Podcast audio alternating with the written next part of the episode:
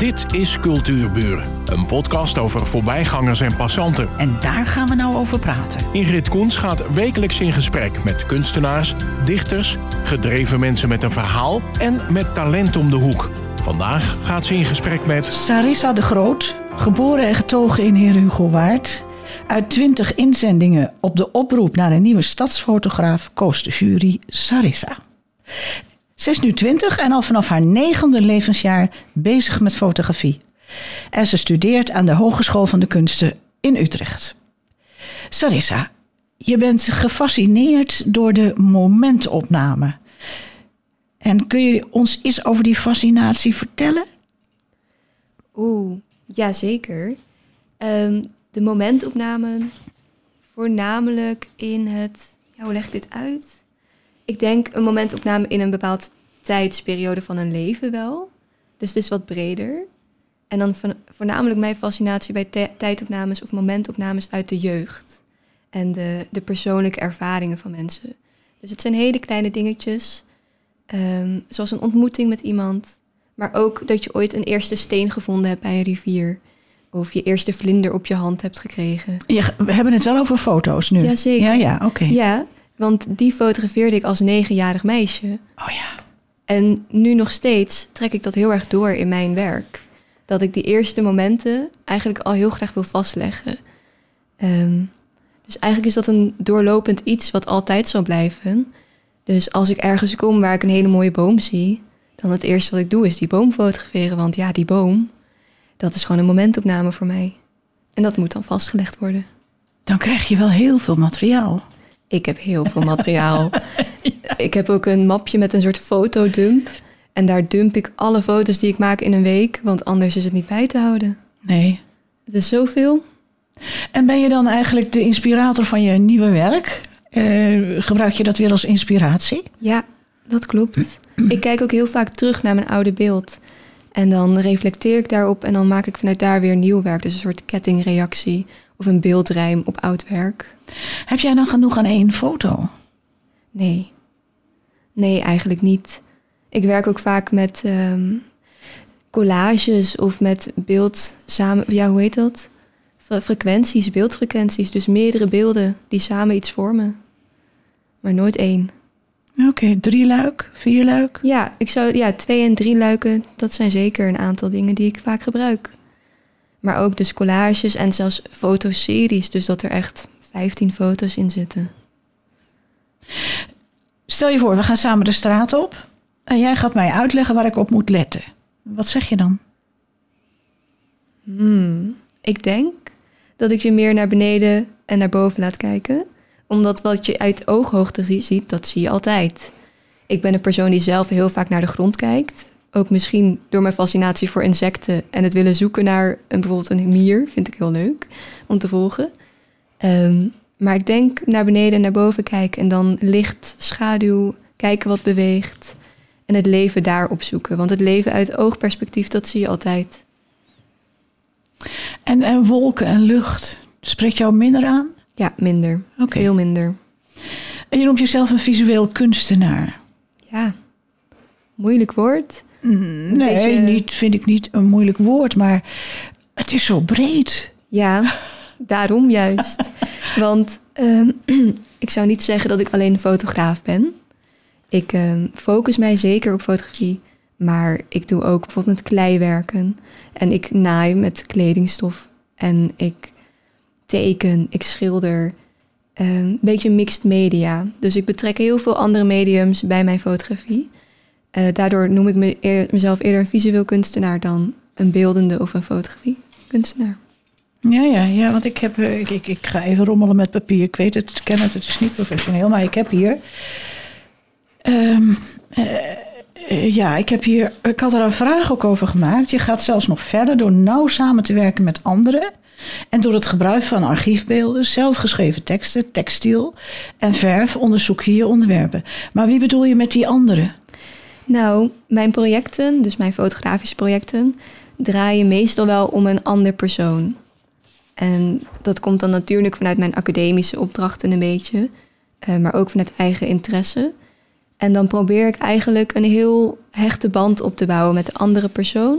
Waardoor dat dan samen verwoven raakt.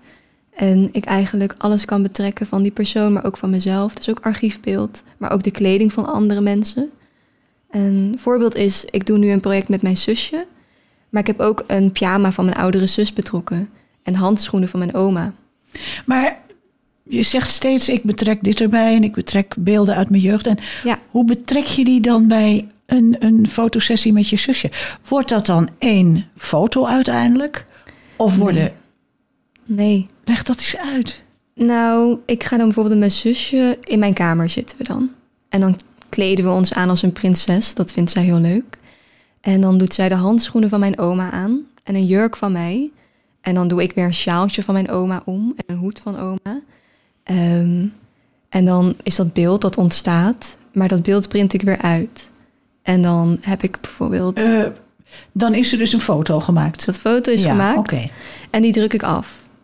En daar schrijf ik bijvoorbeeld overheen wat er gebeurd is op die dag. Of een uitspraak die zij heeft gedaan. En dat scan ik weer in. Dat druk ik nog een keer af. En daar kan ik dan bijvoorbeeld overheen schilderen. Of ik naai er met een naaimachine overheen.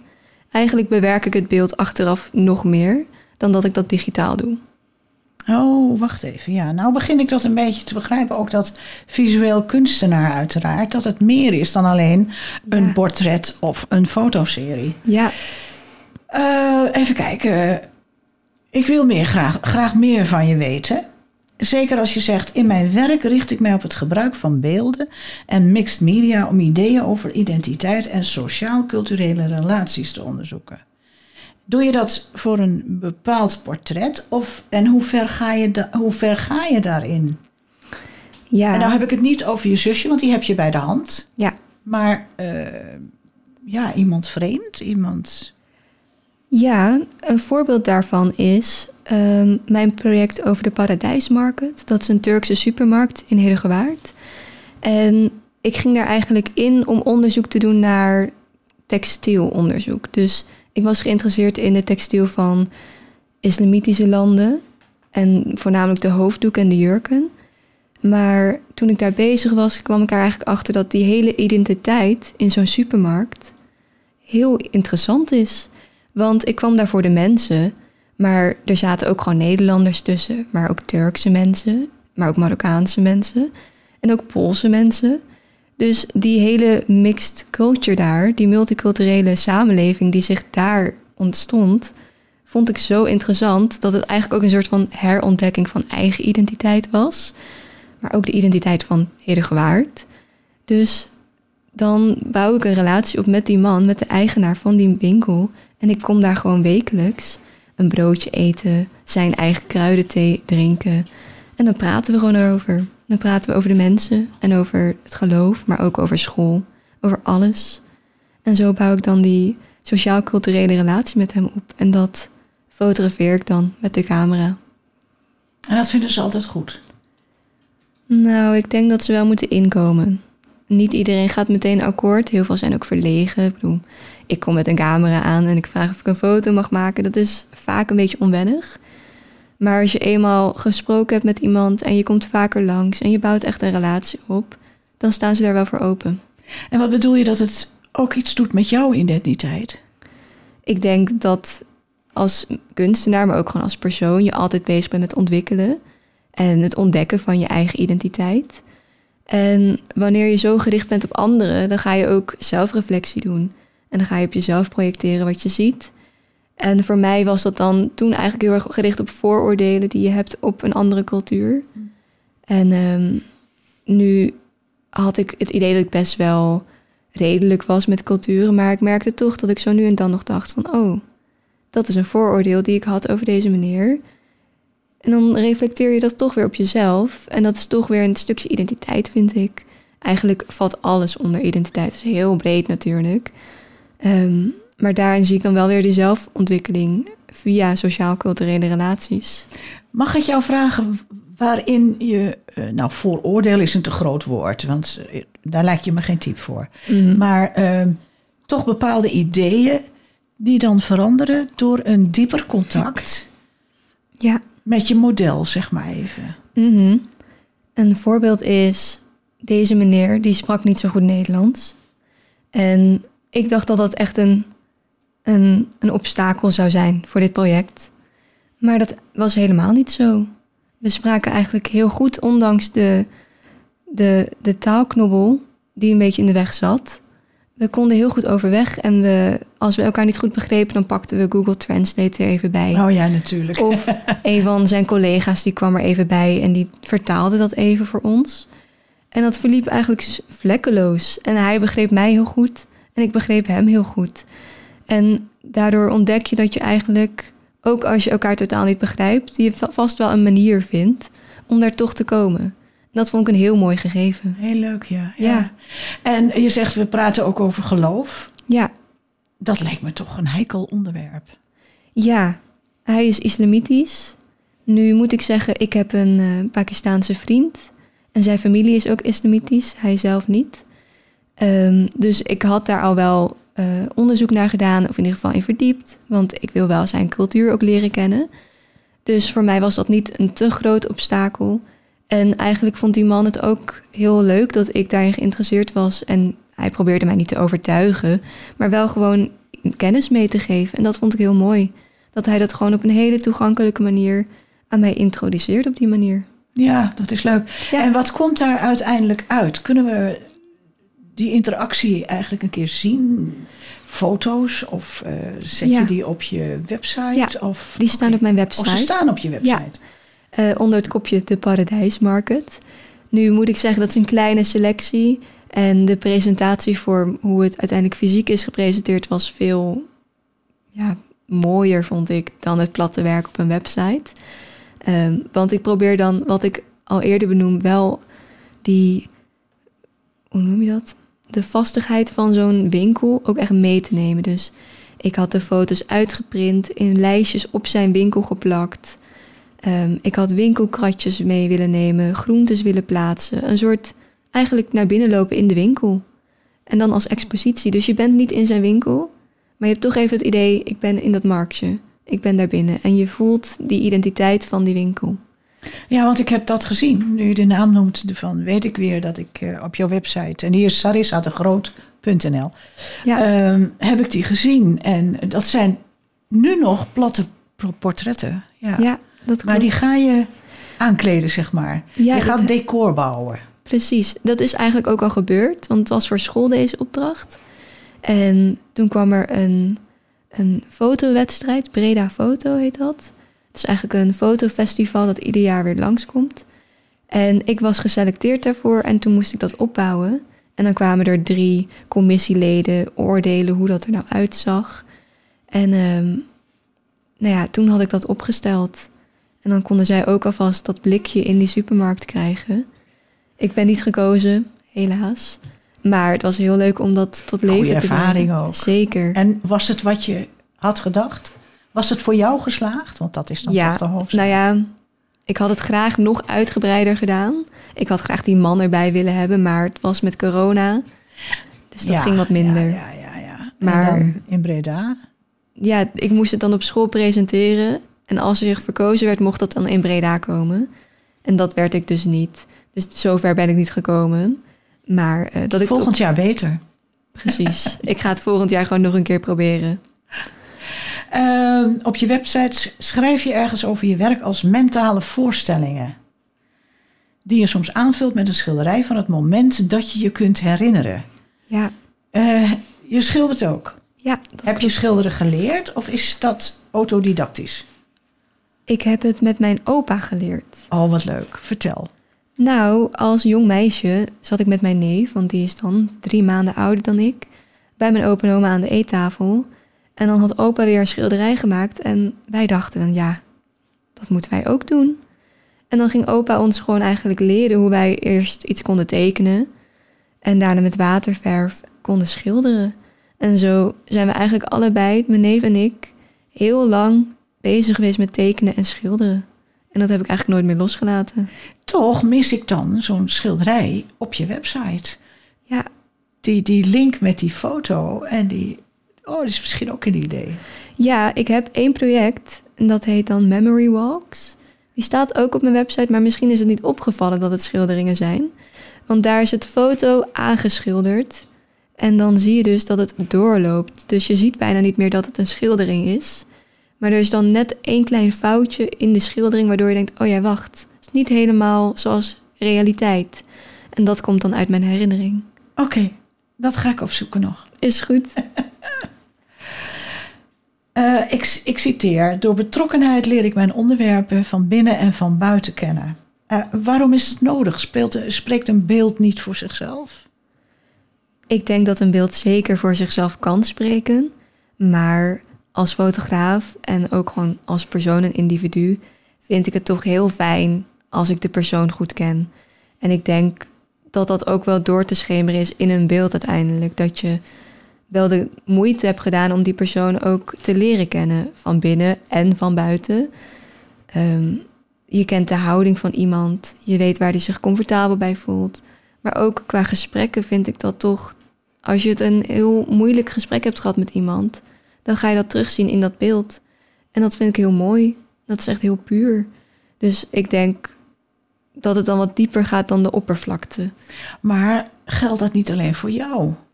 Want uiteindelijk, de beschouwer, die ziet het beeld van die, die ziet Ja. de foto. En die ziet niet de achtergrond. Ja, dat is zeker zo. Ehm, ik denk dat dat zeker wel eens alleen voor mij kan zijn. Maar ik ben daar eigenlijk wel content mee. Oké. Dan denk ik dat is gewoon mijn ervaring. En mijn model of de persoon voor de camera, die heeft die ervaring gedeeld met mij. En soms is dat genoeg. Niet iedereen hoeft dat dan mee te krijgen. Ehm, en soms schrijf ik dan erbij dat er zo'n ervaring is geweest, zodat de persoon het wel kan lezen, maar misschien niet terugziet, maar dan weten ze ervan. Maar ik vind het voor mezelf vooral heel fijn als dat aanwezig is. En jij schrijft dat bij je foto's in je archief? Ja. Ja, ja, ja, ja. Ehm, ja, dan komen we natuurlijk terug op de stadsfotograaf. Ja, Welke eisen worden er aan je gesteld? nou, eigenlijk was het best vrij. En nu weet ik, de vorige stadsfotograaf was bijvoorbeeld heel anders dan dat ik dat doe. Dat was een Niels Brokaar en die deed Ja, vooral... die was heel technisch, hè? Ja, Ja. en die deed vooral lands, landfo- landschapfotografie volgens mij. Architectuur ook. Ja, precies. En wat minder mensen. En ehm, eigenlijk de eisen die in de oproep stonden, waren voornamelijk dat je gewoon geïnteresseerd was in fotografie, geloof ik. Ehm, en toen kwam Maar ik in toch wel, voor, toch wel voor Heren gewaard. Ja, je moest wel uit Heerdegewaard komen ook. En je moest ook hier geboren zijn. Nee, in maar ik bedoel, je moet Heren gewaard laten zien Ja, door de fotolens. Ja, dat klopt. Ehm, en, maar de manier waarop, daar waren niet echt eisen aan bijvoorbeeld. Nee, dat, dat, mocht kan je ik me zelf. voorstellen, ja. ja. Ja. en nu had ik wel gezegd dat ik dan heel erg in mensen ben geïnteresseerd. En niet zozeer in landschap. Ik bedoel, ik let er wel op. Maar dat vind ik meer dat erbij komt. Dus dat hoort erbij. Maar de mensen zijn waar het om draait. En ehm, dat vonden ze eigenlijk heel leuk. Ze zeiden, ga jij maar erop uit en de mensen van Hiddegewaard vastleggen. En ik zei, dat ga ik doen. Want ik weet wel dat er ook nog eh, dat het ook geldt voor speciale. eh, Gelegenheden. ja, Ja, die zijn er nu dat? niet zoveel. nee, dat is waar. Door corona heb ik nog niet de mogelijkheid gekregen om daar aanwezig te zijn. Nu krijg ik wel hele leuke andere benaderingen. Word je daar wel voor uitgenodigd? Want ik weet toevallig dat er wel lintjes uitgedeeld zijn. Nee, heb ik niks van te horen gekregen. Dat Jammer. zou toch een punt zijn? 50 man. Ja, ja, het is jammer. Ja, want je kan ook niet alles weten. Nee, En dat moet dan wel natuurlijk als stadsfotograaf. ja, ik word niet zo op de hoogte gebracht. Ehm, nu moet ik zeggen, er is ook niet heel veel contact tussen mij en eh, de redacteur. En dat vind ik eigenlijk, ik vind die vrijheid wel fijn. Eh, het is voornamelijk dat ik het krantenstuk doorstuur. En soms hebben we overleg van wie interessant zou zijn om te Ja, benaderen. ja. Oh, dat wel. Ja, want in het begin vond ik dat heel lastig. Want toen zaten we midden in de corona-lockdown. Toen dacht ik, ja, hoe vind ik nou mensen? Ik bedoel, op straat is niemand. Eh, dus toen kreeg ik een lijstje doorgestuurd met mensen die ik wel zou kunnen benaderen. En vanuit daar stroomde het eigenlijk wel door dat ik ook dacht... oh wacht, als ik die heb benaderd, dan is die ook leuk. Als ik Ja, dat die is heb, dat eh, opbouwen van dat netwerk. Hè? Precies. Ja. Dus nu kom ik eigenlijk wel uit de voeten dat ik denk... oh ja, ik weet wie de volgende gast wordt of wie de volgende persoon wordt. ja. Maar Dus het zijn geen actualiteiten, nee, niet per se. het zijn meer impressies. Ja, nu moet ik zeggen, ik let wel een beetje actueel op. Ik ben zelf ook... Nou, ik let wel op het nieuws en wat ik zelf belangrijk vind.